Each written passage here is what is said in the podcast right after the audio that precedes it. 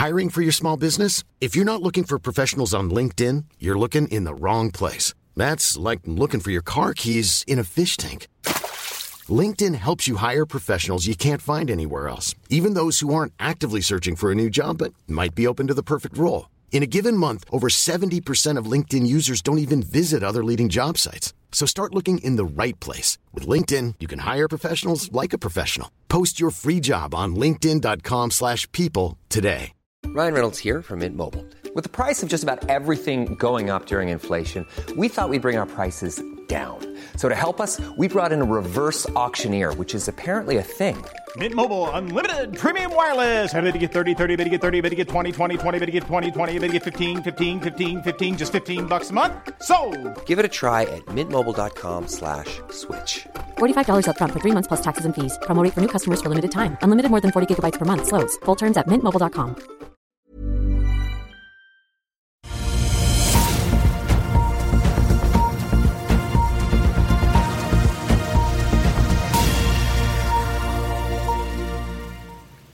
Federal Reserve kjørte uendret enstemmig i beslutningen i går og varslet li, samtidig også da muligheten for tre kutt neste år, ned fra rentenivået på 5,25 til 5,50 der vi ligger nå. Dagens store spørsmål er da øker Ida Wolden Bakke fra 4,25 til 4,50. God morgen alle sammen og velkommen til Børsmorgen. Mitt navn er Marius Lorentzen på plass her på Smestadammen i Oslo i dag. Karl Johan er borte. Det har blitt torsdag 14. desember og rentemøte i USA og ikke minst dagens rentemøter i Frankfurt, London, Sveits og Oslo står jo på toppen av agendaen for veldig mange, inkludert vår første gjest i dag. Vi får besøk av Nordeas sjefstrateg for renter, Lars Mauland. Ellers er det verdt å merke seg at Telenor har kommet med den tidligere varslede avklaringen om fremtiden i Pakistan. Det endte med salg. Kongsberg Gruppen har sikret seg nok en kontrakt på forsvarssiden, denne gangen fra Øst-Europa. Og vi skal snakke om aktiviteten på norsk sokkel, for hva skjer etter neste års vekst i investeringene? Sjeføkonom Marius Ment Andersen i Offshore Norge blir med oss med sine ferske prognoser litt senere i sendingen. Vi får begynne med litt nøkkeltall i markedet. Det kan se ut som stjernene legger seg på linje for oss i dag. Nordsjøoljen er opp 02 til 74,70 i spotmarkedet og hentet seg en god del inn fra de laveste nivåene vi har sett litt tidligere i uken. Fikk et ganske brått fall der. Hovedveksten ventet opp en prosent i dag etter den store oppgangen på Wall Street i går, der alle de tre store indeksene endte opp rundt 1,4. Vi har også sett at Asia har steget i dag. Futuresene på de europeiske børsene stort sett også veldig solide. Vi hadde jo en liten nedgang i går på Oslo Børs på 0,1. Dow Jones har nå nådd en ny topp, får vi ta med. SMP 500 er bare et par prosent unna en ny all time high. Nasdaq ligger også veldig godt an. Tiåringen i rentemarkedet i USA har falt mye i går etter rentemøtet, ned nesten 0,2 til så vidt over 4 blank. Toåringen ned 0,3 til 4,43, som betyr at vi fortsatt er invertert, får vi jo da si. Dollaren svekket seg også mye i går og la seg da på sitt svakeste nivå siden august, ifølge Bloomberg. Ellers er det verdt å merke seg Apple nå den nye all time high går, opp nesten 2 til 197 dollar og 96 cent. Markedcapen ligger nå på 3079 milliarder dollar, opp nesten 60% i år. Microsoft endte uendret i går, de er opp 56% siden nyttår og puster jo eplet litt i stilken, får vi si, med sin markedsandel på 2782. og Microsoft har jo steget mye på AI-bølgen så langt i år. Storebrand endte ned 4-2 etter sin kapitalmarkedsdag i går. Kitron falt hele 9-4 på sin. og så får vi også ta med at sagaen i Solstad Offshore den fortsetter. Oslo Børs har valgt å se på likebehandlingen av aksjonærene i restruktureringen. Det kan du lese mer om på FA.no nå. Så tilbyr BV Group 27 kroner aksjen for resten av aksjene i oljeselskapet BV Energy. Det er da 13% over sluttkursen i går. Jeg nevnte Kongsberg Gruppen. er da Litauens regjering som har annonsert at de bestiller mer luftvernsystemer av typen NASAMS fra Kongsberg Gruppen til 2,3 milliarder kroner. Som en del av avtalen med Litauen også modernisere det utstyret de kjøpte tilbake i 2017. Og NASAMS brukes nå av 13 nasjoner totalt. Dette legger seg da på en veldig fet ordrebok i Kongsberg Gruppen, som vi har snakket om tidligere. Telenor selger altså Pakistan-virksomheten sin for 5,3 milliarder på gjeldfri basis. Det blir verken tap eller gevinst av betydning i regnskapet, og summen inkluderer en tilbakebetaling av konserninterne lån på 3,5 milliarder, samt redusert rentebærende gjeld da for Telenor på 1,8, inkludert leasingforpliktelser. Som Sigve Brekke jo har varslet både i dette studio og andre steder i en god del måneder nå, så ville de altså ta en strategisk gjennomgang og konkludere før nyttår. Telenor tok et tap på 2,5 milliarder kroner i fjor sommer gjennom en nedskrivning. Den gangen opplyste de at de bokførte verdiene var nede i 5,8 milliarder. Pakistan har jo vært et krevende land, ikke bare for Telenor, men for de fleste som har operert der den siste tiden. De har jo eh, både blitt rammet av flom og sliter også økonomisk med høye energipriser. Det er det nasjonale teleselskapet Pakistan Telecommunications som eh, kjøper opp eh, virksomheten. Ellers så får vi også ta med rett og slett da, at det er rentemøte i Norges Bank i dag også. Men vi skal begynne med dagens gjest og kanskje ta rentemøtet i Fed først. Lars Mæland, velkommen til oss. Takk for det, Marius. før vi tar Ida Wolden Bakkes show i dag, Jerome Powell holdt seg uendret som ventet, men varsler da potensielt tre kutt ja. neste år. Veldig stor sving, syns vi, ja. i måten de kommuniserer på. Eh, de hadde tidligere to kutt, men da fra et høyere nivå. For de hadde tidligere et, en renteheving til i år inn i renteplanen. Ja. Den var det egentlig alle regnet med at den, den ble borte. Um, i lys av, av, tidligere kommentarer. Men det at de nå signaliserer tre kutt istedenfor to kutt neste år, var nok mer enn markedet ventet og analytikerne ventet. Um, og, men, men, det som kanskje er viktigere, er at de, Fed har lenge hatt en holdning om at her må vi stramme til, vi må holde renten høy lenge, litt lenger enn de kanskje ville gjort ellers. Være helt sikre på å drepe eller få prisveksten ned til 2 Mens nå er sentralbanken mer opptatt av å måtte, lande økonomien mykt. Og Her kan det komme rentekutt uten at det går spesielt dårlig i amerikansk økonomi. Ehm, det er viktigere at realrenten ikke blir for høy. Så nå som ja. inflasjonen har kommet ned, og den kommer sikkert til å falle, falle videre de, Hvis de da blir stående på 5,25 til 5,5 så blir da um, i deres øyne realrenten så høy at den vil være for innstrammende. Så det kan gi oss rentekutt uh, langt tidligere enn en vi trodde tidligere. Nå har de, eh, i motsetning til rentemannen Norges Bank, det dotplottet hvor alle komitémedlemmene puncher inn hva de tror. Eh, det er fortsatt et stort sprik der, får ja. vi jo si.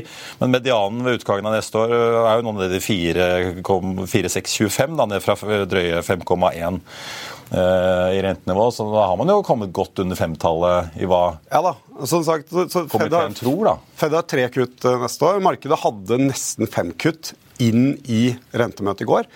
Uh, men likevel så velger da sentralbanksjefen på pressekonferansen på direkte spørsmål uh, og, ikke måte uh, si at det er noe galt i markedsprisingen.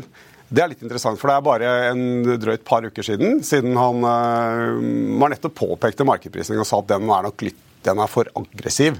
Og på forrige rentemøte i starten av november så sa de at vi tenker ikke engang på rentekutt. Mens denne gangen så var det tydelig at det var noe de hadde diskutert på mm. møtet eh, og, og, sa at det var noe de kom til å diskutere videre. Så, så det er veldig mye som har skjedd nå uh, i Fed uh, i løpet av de siste seks ukene.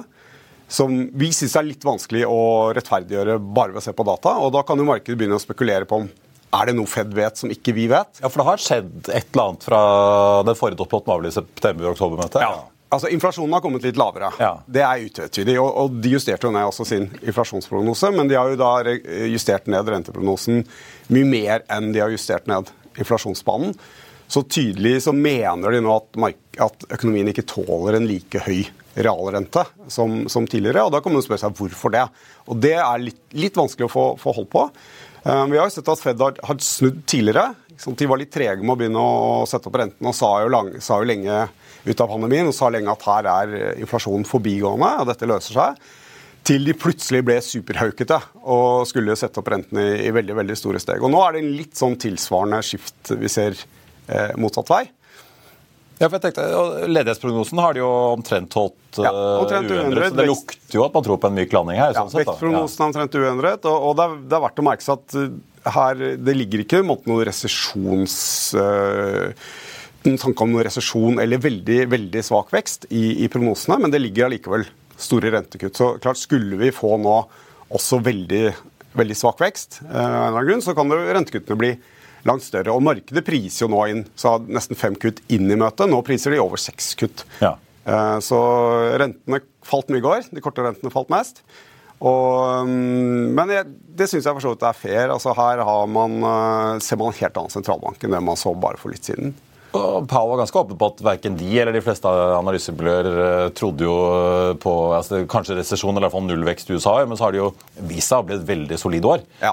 Eh, så, da, så, det har jo åpenbart man kan kalle det motstandsdyktighet i økonomien tross ja, rentehevinger? da. Eh, veldig. Og vi tror jo kanskje at motstandsdyktigheten fortsatt er der. da. Så det kan godt være at vi nå får en del rentekutt neste år, fordi at prisveksten har kommet ned, og den kommer sikkert eh, litt lavere. Vi tror fortsatt det er vanskelig å få prisveksten helt ned til 2 fordi arbeidsmarkedet er såpass sterkt og lønnsveksten er såpass høy, noe vi tror vil, vil fortsette lenger enn det kanskje de mange andre ser for seg. Så risken er nå at man kutter rentene for fort eh, i en økonomi med ganske lite ledig kapasitet. Og så etter det, med et sterkt aksjemarked osv., så, så får vi på en måte en ny, eh, ny runde med vekst og tiltagende inflasjon igjen. Eh, det kan være et mulig utfall her. Eh, mens hvis Fed nå hadde gjort sånn som de sa tidligere, sitte på høye renter litt lenger, ja, litt større risk for en resesjon, men også større sannsynlighet for at du liksom får slått eh, prisveksten ned en gang for alle. Så vi, vi, er litt overrasket over denne skiftet. Det virker liksom å se på eh, renteutviklingen nå. Det, det er jo ganske solid nedgang når du begynner å ja. se fall på liksom 0,2 prosentpoeng, 0,3 prosentpoeng. bare sånn, ja. så, så, jeg tror mange ble kallet, tatt litt på senga her. Nå har jo markedet gått mye på forhånd, så det var sikkert en del som ventet at uh, noe sånt uh, skulle skje. Men, men, som du sier, en, en stor bevegelse i går, så det må ha vært flere enn oss som ble overraska. Og eh, Litt spesielt også aksjemarkedet. Når man ser altså, disse toppnoteringene på En ting er jo enkeltaksjer som Apple. Mm. Når du ser liksom Dow ligger på topp, SMP ligger og snuser rett under uh, rekordnivåer. Mm. Samtidig som liksom renten har økt såpass mye. Man skulle jo tro at det var et motsatt forhold. At uh, med stadig økende renter så burde aksjemarkedet fått kjørt seg litt. Og at ja. folk heller satte penger i rentepapirer. ja, folk setter jo penger i rentepapirer. Men nå virker det som aksjemarkedet bare går bra uansett. Ja, uh, og, og, noe som altså, ene er jo som du sier at økonomien har vært veldig motstandsdyktig mot høyere renter. Og den, i den runden her så har det vært mye høyere grad av fastrentebinding. Både blant husholdninger, men også blant amerikanske bedrifter. De måtte benyttet muligheten under covid med veldig lave renter til å skaffe seg lang, billig finansiering. Så amerikanske bedrifter under ett de har øh, egentlig ganske lite gjeld. Uh, de har billig gjeld, og de har mye cash på bok. Sånn at eh, Situasjonen er veldig annerledes fra forrige rentehevingssykkel. Samme gjelder husholdningene.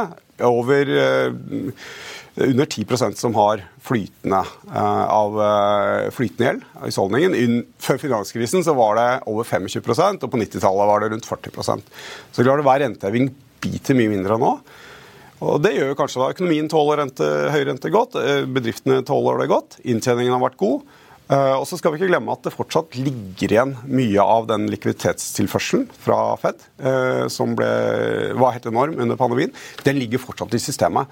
Og selv om Fed har begynt å trimme balansen, så, så har en måtte ikke slått ut i dårligere markeds- uh, eller banklikviditet ennå. Og når vi ser på tallene, så ser det ut som det kan fortsette. De strammer jo stadig inn. De, de strammer inn, men du har en stor buffer i Feds repo-fasilitet, blir veldig teknisk. Men det gjør på en måte at det slår ikke ut i dårligere eh, banklikviditet. Og sånn sett så har det på en måte eh, bankene et insentiv til å låne ut penger til markedsaktører som har lyst til å investere. Og det gjør at det kommer nye penger inn i aksjemarkedet f.eks. hele tiden. Og så lenge det ikke er en åpenbar grunn til å måtte dra i, i stroppen fordi inntjeningen blir veldig dårlig eller arbeidsledigheten stiger veldig mye, så er det på en måte lett måte, bare fortsette å, å, å bidde opp prisene. og det her kan godt fortsette ut til gjennom vinteren og ut til våren. Vi, vi ser egentlig ikke denne likviditetssituasjonen egentlig endre seg dramatisk før kanskje ut i andre kvartal. Spørsmålet blir jo disse forfallsveggene. Det gjelder jo forstått norske bedrifter også, som ja. har sikret seg på rentesiden, i motsetning til de fleste husholdninger her hjemme. Men Eh, det er jo når forfallene kommer eller når folk må refinansiere, at de da går fra pandemirentenivå plutselig til ja. Eh, det, å betale I USA så skjer det mer langsomt enn her. da. Mm. Fordi at veldig mange har lang rentebinding. Også på næringseiendom så er det mer vanlig å ha 5-10 års rentebinding. Så det er noen ting som kommer til for, forfall hele tiden, men du har ikke denne veggen. Eh, og, og, I Norge så har vi jo langt mer flytende gjeld, både på på bedriftssiden og, og privatsiden. Kan likevel komme til å se enkeltaktører, da, som kanskje plutselig får problemer, litt avhengig av eh, forfallsprofilen. Eh, men eh, Lars, vi må hoppe videre til Norges Bank på slutten her. 4,25 ja. ligger vi på nå. Ja. Eh, Olav Chenny i Storbrand hadde liksom morsom melding på Twitter i går. Han lurte på om vi alle går i tog her hjemme, for det virker som alle tror at vi skal få uendret i dag. Men ja. som han pekte på, i utlandet, Bank of America, Barclays, Nomura City, alle tror vi skal opp til 4-5. Ja. Hva sier eh, holdt jeg på å si, hodet og magefølelsen? Eh, Nei, vi, er, vi, er veldig usikre. Ja. Vi er veldig usikre, det må vi si først og fremst. Og jeg tror, er, jeg tror Norges Bank er veldig usikre også. Uh, håper jeg, ellers så har vi måtte ikke helt forstått hvordan de tenker. Du har på den ene siden uh, spesielt kanskje rentefallet vi har sett ute, på, som gjør noe med utsiktene for krona. Hvis Norges Bank nå holder rente uendra, eller haiker og holder rente uendra gjennom hele neste år, så kan vi få en betydelig rentereferanse. Det vil i Norges Banks modellverden, eh, og det er logisk å tenke sånn, kanskje gi oss en veldig sterk kronekurs. Endelig. Nest, nest, endelig, ja. Det hadde jo vært fint. Eh, det kan være med på å få ned inflasjonen raskere her hjemme, og kanskje litt for raskt, vil noen tenke. Og det kan være grunnen da kanskje til å ikke heve renten. For på motsatt side så ser vi at her hjemme så begynner jo renten å bite. Og siste utgave av Regionalt nettverk var jo klart svakere. Eh, og vi ser også at den enorme eh, eh, problem, kapasitetsproblemene som har vært i norsk næringsliv, ser ut til å være mindre. Og, og disse kapasitetsindikatorene er med på et nivå alt til et litt soft nivå. Så det er, liksom, det er, litt på den ene og den andre siden. Eh, og ja, jeg skjønner godt Olav at, at han sier det. Eh, og det er vanskelig å være. Jeg tror man skal ikke ikke være veldig skråsikker her. Eh, det tror jeg er og så er jo, altså på en side, Jeg hadde jo besøk av Mestergruppen her i går. Driver jo med alt fra oppussing til uh, butikker og nyboligbygging og hyttebygging regnet jo med en omsetningsnedgang i år på en 15% og Det mente de var mye bedre enn i de fleste bransjene, fordi oppussing holder dem litt uh, gående.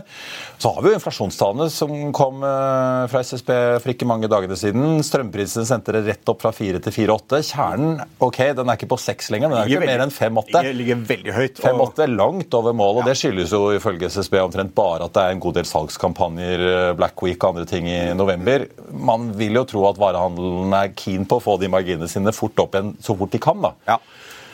Så det er jo, Norges, Norges Bank har et problem der. Inflasjonen er altfor høy, og, og, i Norges Banks sist, forrige prognoser da, fra september så lå det jo an til en, en kjerneprisvekst på 4% ved utgangen av neste år, uh, som er dobbelt så høy. Uh, og Markedet ligger nå inne og priser uh, fem-seks rentekutt neste år. At vi skulle få så mange rentekutt med en inflasjon på 4% syns jeg virker veldig usannsynlig. Så da må du enten kanskje få en, en sterkere krone da, som gjør at, at, inflasjonen faller langt raskere enn det Norges Bank ser for seg, eller at eh, måte, veksten i norsk økonomi blir langt dårlig, og at ledigheten stiger langt raskere. Eh, husk at Norges Bank allerede i sine prognoser har en eh, ganske betydelig stigning i ledigheten gjennom neste, bl.a. fra byggebransjen. Det er jo den som har blitt aller hardest ramma, fra etter noen år som har vært helt fantastiske. Og jeg skjønner at det er tungt i, byggebransjen, men ser du nå på antall arbeidsledige, så er det ikke noe særlig høyere enn da vi var i 2019. Ja, det blir sikkert verre, men å snakke om at det er eh, nå full krise, det, ja, det, er kanskje litt tøffe ord. Og så har vi andre bransjer som olje, som du skal snakke om etterpå. Eh, straks, der, der, går det så det griner. Der så det griner, og der er det jo kapasitetsproblemer. ikke sant? De sliter med å få tak i nok ressurser. Så en del eh, omallokering av ressurser i, i, norsk økonomi. Offentlig sektor har mulighet til å putte på at det skulle bli helt nattsvart i Norge. Det blir nok litt tøffere, men at det skulle liksom bli helt nattsvart, og at vi skal trenge en masse rentekutt her hjemme med en inflasjon som ligger på 4% eller høyere, ser jeg som litt sannsynlig. Men at Norges Bank kanskje kan nå tillate seg å være litt, litt mer forsiktige, fordi det er utsikter til at eh, kanskje endelig så kan kronekursen styrke seg litt eh, neste år og hjelpe på en måte Norges Bank litt med, med, prisveksten. Kanskje amerikanerne gir oss uh, litt hjelp. 10,73 ligger dollaren uh, på nå. Vi får følge med Lars Mauland i Norad. Tusen takk for at du kom til oss. Oslo Børs setter for en veldig hyggelig dag uh, i dag etter oppturen i går. Da. Vi ligger opp da halvannen prosent så langt, med en oljepris som igjen snuser på 75 dollar fatet. Det er nå en tre kvarter igjen da, til vi får rentebeslutninger fra Norges Bank, og en time og et kvarter da til Ida Woldenbakke går på podiet på Bankplassen. Vi er straks tilbake med sjeføkonomen i Offshore Norge rett etter dette. Vil du bli oppdatert på det viktigste som har skjedd innen finans og næringsliv? Da er det bare å følge med, for hver morgen er jeg, Marius Lorentzen og aksjekommentator Karl Johan Malnes på plass i studio for å ta tempen på dagens marked i Børsmorgen. Og hver ettermiddag oppsummerer vi alt du trenger å vite i økonominyhetene, og det blir selvfølgelig masse interessante gjester. Klikk deg inn på fa.no-tv, eller søk opp Børsmorgen og Økonominyhetene der du hører på podkast.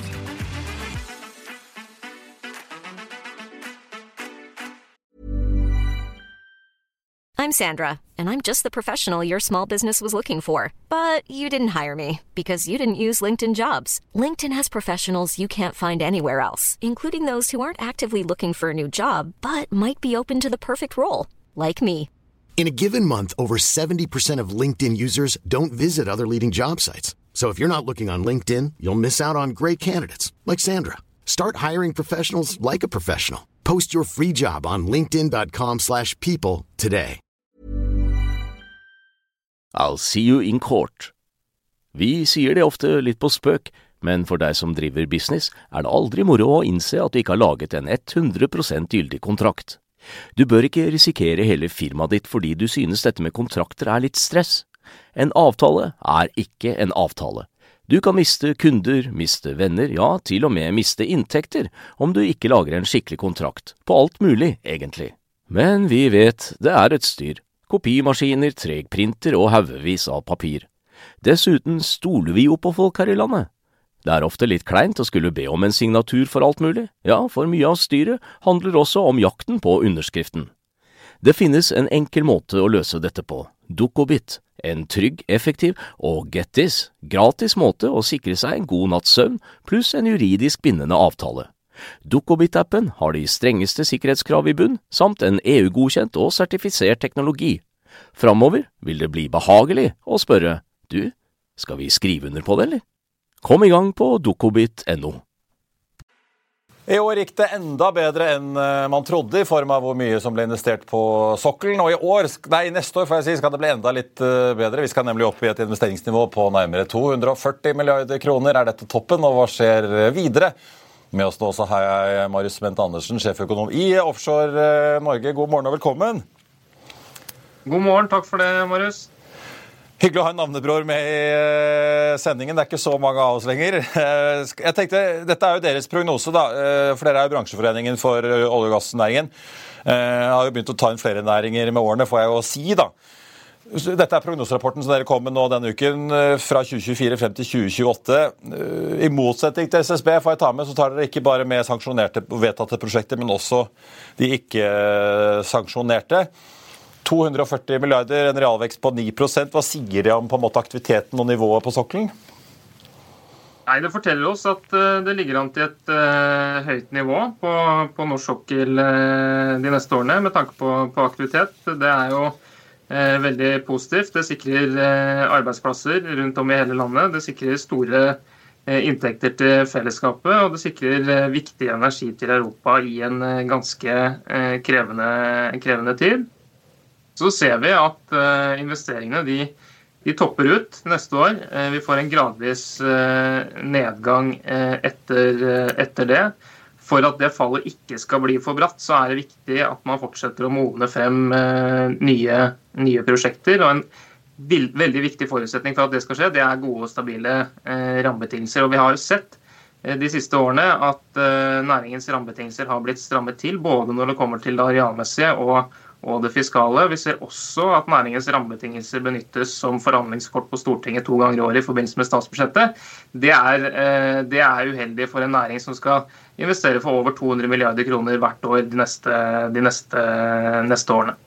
Ja, Konsesjonsrundene har åpenbart funnet seg vei inn i kortstokken til Lars Haltbrekken og SV, eh, har vi jo sett.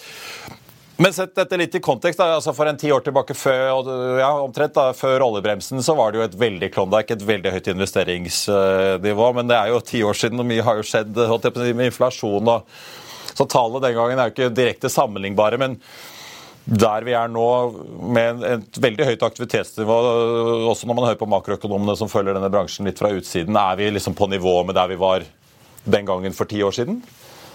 Altså Hvis vi ser på, i, eh, ser på investeringsnivåene i reelle priser tilbake i tid, så, så, er vi ikke på en all time high. Det er vi ikke. Men vi er, eh, vi er eh, ikke helt på linje med, med, med, toppnivåene før 2015, men vi må tilbake til før 2015 for å finne tilsvarende nivåer. Så det er absolutt et høyt aktivitetsnivå på sokkelen i årene som kommer. Og som din forrige gjest sa, det er også tegn til noe presset kapasitet på enkelte eh, leverandørsegmenter, men vi anser det som en, på en måte en forholdsvis forbigående effekt etter hvert som du får tatt unna toppen eh, knytta til de prosjektene som, som faller inn under de midlertidige skatteendringene.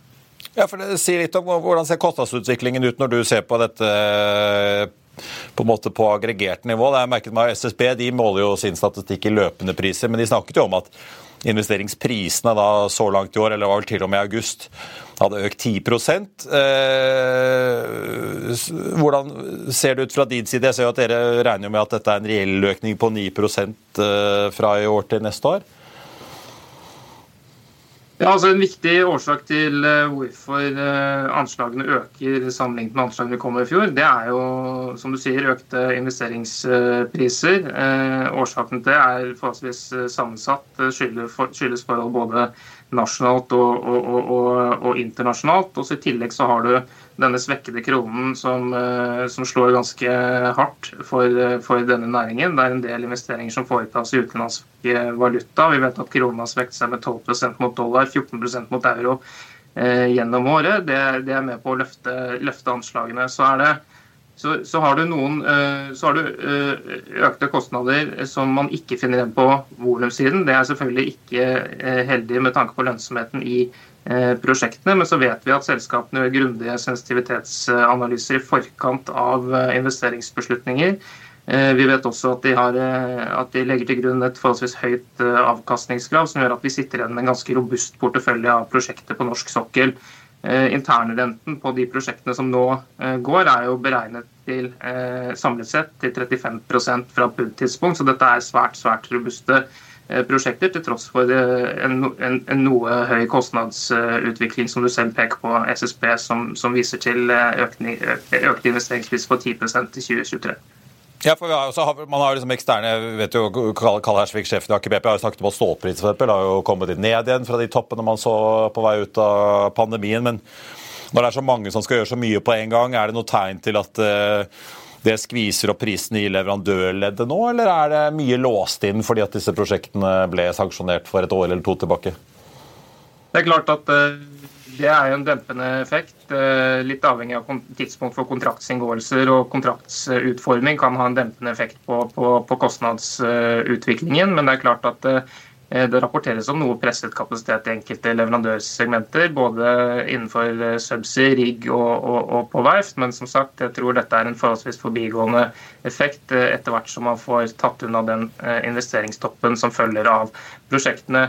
Eh, som ble sanksjonert under de midlertidige endringene, som var eh, veldig viktig for en industri som sto i en ekstremt uh, usikker situasjon tilbake til våren 2020.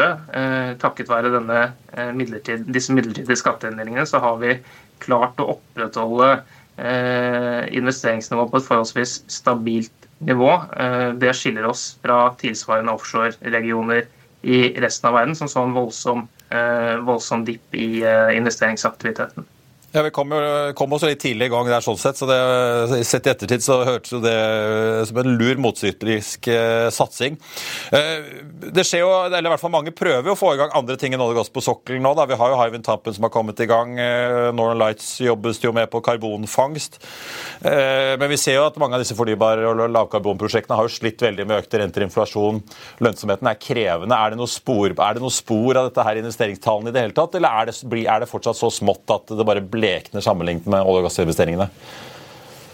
Nei, altså I denne analysen så er det ikke sporbare. og Det er den enkle grunnen at eh, denne investeringen kun tar for seg investeringer knyttet til, eh, knyttet til olje og gass. Eh, så Da må vi eventuelt lage en annen investeringstelling som går på fornybar og lavkarbon, kanskje på litt lengre, lengre sikt. Elektrifiseringsprosjekter derimot er med i, i denne tellingen. Vi har riktignok ikke skilt det ut som en egen eh, egen kategori, men, men, det utgjør jo også en, en vesentlig del av, eh, av, av, spenden de kommende årene. Både på, eh, ute på sokkelen, men også eh, i form av modifikasjoner på, på, land. Så vet vi jo at selskapene som du sier, har store ambisjoner innenfor nye verdikjeder, enten det er havvind, hydrogen eller karbonfangst og -lagring.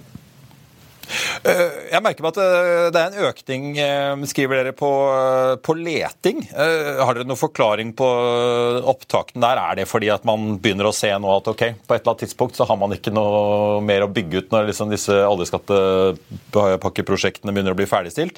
Er det Ukraina-krigen? Er, er det noen forklaring på det? Nei, altså Det er jo den eh, investeringskategorien som det kanskje er eh, mest vanskelig å gi gode anslag for lenger frem i tid. Det er nok den investeringskategorien som mest, har mest kortsiktig sensitivitet for, for endringene i, i, markedsforholdene. Så vet vi jo at krigen i Ukraina har gitt, gitt høye energipriser, har endret markedsutsiktene noe. Det er selvfølgelig en viktig del av forklaringen, men vel så viktig er jo at man trenger gode prospekter for uh, å kunne bore brønner. Uh, og for å få gode prospekter så trenger man tilgang på uh, areal. Så En del av forklaringen er rett og slett at selskapene nå har bedre prospekter å bore etter enn det de hadde, hadde i fjor. Men vi forventer Eh, at det skal påbegynnes i overkant av 40 brønner eh, neste år. Det er et forholdsvis høyt eh, nivå på, på leteaktiviteten. Jeg tror vi må tilbake til før pandemien for å finne tilsvarende, tilsvarende tall. Så det er positivt. Hvordan ser liksom bildet ut? Nå vet jeg Prognoseperioden nå går til 27-28, altså fem år frem i tid. Men hvis du likevel ser på det materialet dere undersøker og gir oss en slags sånn uh, egen prognose da, på hva som vil skje etter 2027-2028. Vi vet jo at Wisting-prosjektet ble jo utsatt, så det kan jo kanskje komme i den perioden etter prognoseperioden deres. Lindorm til Shell er jo kanskje et annet. Uh, men hvor stor, eller hvordan ser utviklingen ut nå da etter 2027-2028? Blir det en veldig kraftig nedgang, eller blir det en litt mer sånn moderat uh, avdempning? Nei, Sånn som det ligger an nå, så, så, så, ligger det an til en gradvis eh, nedgang mot eh, slutten av prognoseperioden. Og så sier vi også i analysen at det er rimelig å anta at disse anslagene kommer til å løfte seg utover i tid, etter hvert som prosjekter eh, blir modna frem. Men en viktig forutsetning for det igjen er jo gode, forutsigbare, konkurransedyktige rammevilkår for næringen. Både når det kommer til det arealmessige, men også det fiskale så vet vi at det ligger jo eh, en god del funn eh, til eh, modning. Ifølge OD sin statistikk så er det vel om lag 80 funn som ligger til modning som ennå ikke er besluttet for utvinning. En stor del av de ikke, inngår ikke i vår, vår, analyse. og Dette er jo funn som både kan bygges ut som større områdeutviklinger, selvstendige utbygginger, men også mindre subsea tiebacks. Så, så, så, så det, ligger, det, ligger, en del eh, i pipeline som kan bli realisert, være med på å løfte nivået.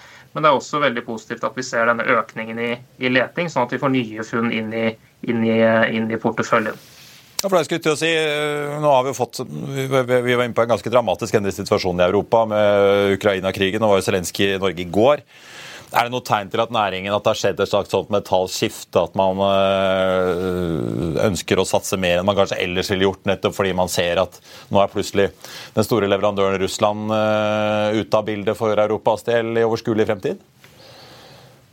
Det er klart at uh, Norge, en, uh, Norge, og norsk sokkel har en viktig rolle nå i å, å, å tilby uh, Europa energi, være en pålitelig leverandør av, av energi. og For at vi skulle, skal kunne være det fremover, så er leiting og utvikling helt, helt avgjørende. Det er også hvorfor EU uttalt støtter videre leiting og utvikling på norsk, norsk sokkel. Så disse tallene viser at uh, den oppfordringen er tatt. Det ligger an til et høyt, stabilt aktivitetsnivå på, på sokkelen vår fremover, som, som, som, bremser den nedgangen i produksjon som vi ville sett uten, uten denne aktiviteten. Til slutt, Marius. Dere har jo lagt ut noen tall her med det var denne midlertidige oljeskattepakken gir av gevinster. Dere snakker jo om skatteinntekter her på 747 milliarder. Eh, hvis man tar 7 avkastningskrav, som staten jo eh, skal gjøre, så får man en nåverdi på, på dette her på 388 milliarder, skriver eh, dere. Men de 747 milliardene, det, hvordan har dere regnet da? Er det bare balanseprisen i de ulike prosjektene, og så har dere lagt inn 70 dollar fatet eller et eller annet sånt, eller? Nå er det Rystad som har foretatt de beregningene på vegne av oss. så skal jeg være forsiktig med å gå litt, altså dypt inn i hvordan de har foretatt de, men, eh, men, eh, i grove trekk så er det jo beregnet uh, basert på prosjektenes antatte investeringskost, driftskostnader og, og, produksjonsprofiler. Uh, så er det jo sånn at staten tar en, en, en stor del av, av, kostnadene gjennom skattesystemet, men de tar også en tilsvarende stor del av Eh, inntektene, så eh, har de kommet frem til at, eh, at staten kan forvente seg netto skatteinntekter på 747 milliarder kroner fra, fra disse prosjektene. Og det er jo deres base case. Hvor de har lagt til grunn en langsiktig oljepris på 60 dollar fatet, som ikke er urimelig, og en gasspris på 9 dollar per MMBTU, som, som, på en måte reflekterer den langsiktige marginalkosten Eh, til eh, LNG i Europa, som kommer til å være prissettende i større, større grad fremover. Så dette er eh, gode og rimelige antakelser som, som gir et fornuftig anslag på, på statens forventede inntekter. Det er jo hyggelig for AS Norge når det importeres LNG i stort monn fra både USA og Qatar. Og det ser ut til å fortsette sånn i overskuelig fremtid også, at vi får litt mer betalt enn det vi pleide kanskje å få for rørgassen vår. Eh, Marius Ment Andersen, sjeføkonom i Offshore Norge, tusen takk for at du var eh, med oss. Eh, vi er tilbake med mer børsmål rett etter dette. Vil du bli oppdatert på det viktigste som har skjedd innen finans og næringsliv? Da er det bare å følge med, for hver morgen er jeg, Marius Lorentzen og aksjekommentator Karl Johan Malnes på plass i studio for å ta tempen på dagens marked i Børsmorgen. Og hver ettermiddag oppsummerer vi alt du trenger å vite i økonominyhetene, og det blir selvfølgelig masse interessante gjester. Klikk deg inn på fa.no-tv, eller søk opp Børsmorgen og Økonominyhetene der du hører på podkast.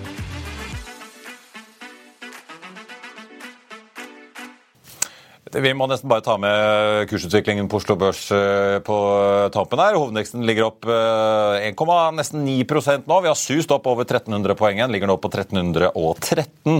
Eh, det begynner å bli en stund siden vi så 1300-nivået tidligere i høst, så det er jo hyggelig. En av de som leder an, Norsk Hydro, opp nesten, nesten 6% en aksje nå. Equinor og DNB begge opp over prosenten. Aker BP stiger 2,5 i dag. Frontline ligger også på mest omsatt-listen Eh, ned rundt halvprosenten. Storbrann eh, det samme fortsetter da ned videre etter kapitalmarkedsdagen i går. Ellers har vi BV Energy, som altså ligger på 26,90, opp nesten 13% og snuser da omtrent på budprisen som BV Group eh, har kommet med på BV for å kjøpe ut resten av aksjene der. Kongsberg Gruppen, som har sikret seg en ny kontrakt, ligger opp 0,2% og ligger dermed litt bak utviklingen ellers på børsen. Telenor opp en drøy prosent nå til 120 22,25 etter meldingen om et salg da av virksomheten i Pakistan. Vi får for øvrig besøk av Telenors finansdirektør Tone Bakke her på Børsmorgen i morgen tidlig. Jeg tenkte vi skulle holde oss litt i oljenæringen, for opprydningen etter tidligere BP-sjef Bjørnar Luni den er ikke over. Han måtte jo gå på dagen 12.9. etter at styret avdekket at han etter deres syn hadde holdt dem bak lyset om flere forhold han hadde hatt da internt i organisasjonen. Selv om han i 2022, også i fjor, skal ha lovet å være åpen med styret og endre oppførsel. Nå mener styret kommer det frem en melding som BP sendte ut i går, at eh, oppførselen kan kategoriseres som alvorlig. og De har nå uten forhåndsvarsel terminert Luni permanent fra BP, avsluttet den tolv måneder lange oppsigelsestiden han egentlig hadde. Det blir ingen flere utbetalinger eller pensjonstilskudd og null bonus for 2023, opplyser styret. Styret annullerer også aksjeopsjonene hans som ikke er innløst, og de krever han også for halve bonusen for 2022. Totalt opplyser BP at de da krever tilbake og annullerer utbetalinger på totalt 32,4 millioner eh, pund. Og apropos olje, det skjer ting i Vår Energi også. Ingrid Sølberg er ute som konserndirektør for teknologi, boring og undergrunn i Vår Energi, Norges tredje største oljeselskap bak Equinor og eh, Aker BP. Det skjer under et år etter at den tidligere oljedirektøren i Oljedirektoratet altså startet i selskapet. Jobben ble ikke som forventet, sier Sølberg selv til Aftenbladet. USA har for første gang på 50 år tillatt en ny type kjernekraftreaktor fra selskap Kairos i California, en såkalt Hermes-reaktor. Det rapporterte Bloomberg i går. Så må vi også innom eh, Big Pharma. Vi har jo sett oppturen i danske Novo Nordisk eh, for så vidt over en god stund nå, hvordan de har blitt Europas mest verdifulle selskap. Men alt er ikke bare solskinn i Big Pharma om dagen. Pfizer eh, falt nemlig nesten 7% på Wall Street i går etter at de kuttet guidingen sin. Ifølge Barents så var det ventet en guiding på koronarelaterte produkter, altså primært av vaksiner, på nesten 14 milliarder dollar da i 2024. Guidingen Pfizer kom med, var på 8, altså flere milliarder dollar under det markedet forventer. Pfizer annonserte denne uken at de har fått alle nødvendige godkjenninger for gigantoppkjøpet sitt av kreftmedisinselskapet CGen. og de annonserte også endringer i ledelsen for å bli sitat, mer fokusert, raskere og levere bedre resultater. Men det virker jo som det er tøffe tak da for konsernsjef Albert Bola nå, i hvert fall hvis man også ser på aksjekursen til Pfizer.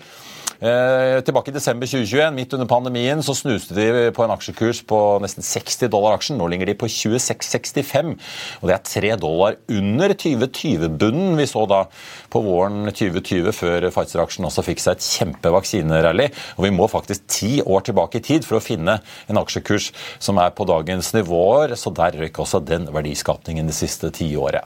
I Citigroup så fortsetter Jane Frazier, altså toppsjefen der, omorganiseringen av finanskonsernet for å bli mer effektiv effektiv. 300 lederstillinger, eller rundt 10 eh, av eh, ledernivået. To nivåer under konsernledelsen skal eh, bort, får vi ta med. Jeg tenkte også vi må nevne litt reiseliv, noe som mange følger med på Norwegian om dagen. En aksje som for øvrig er opp 3% i dag. VFA har skrevet om hvem som potensielt kan komme til å være interessert i å kjøpe Norwegian. og jobber, nei, Norwegian jobber jo også med å kjøpe videre, selv om Konkurransetilsynet foreløpig har sagt uh, nei.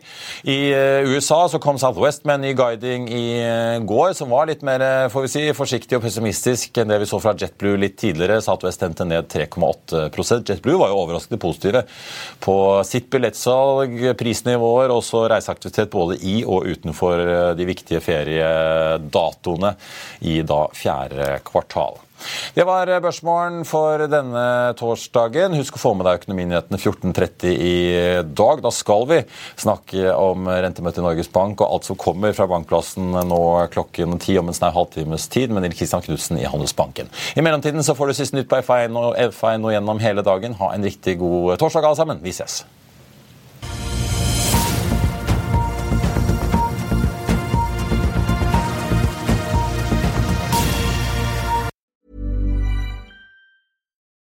Without the ones like you, who work tirelessly to keep things running, everything would suddenly stop. Hospitals, factories, schools, and power plants, they all depend on you. No matter the weather, emergency, or time of day, you're the ones who get it done. At Granger, we're here for you with professional grade industrial supplies. Count on real time product availability and fast delivery. Call clickgranger.com or just stop by. Granger for the ones who get it done. Økonominyhetene er en podkast fra Finansavisen. Programledere er Marius Lorentzen, Stein Ove Haugen og Benedikte Storm Bamvik. Produsenter er Lars Brenden Skram og Bashar Johar. Og ansvarlig redaktør er Trygve Hegnar.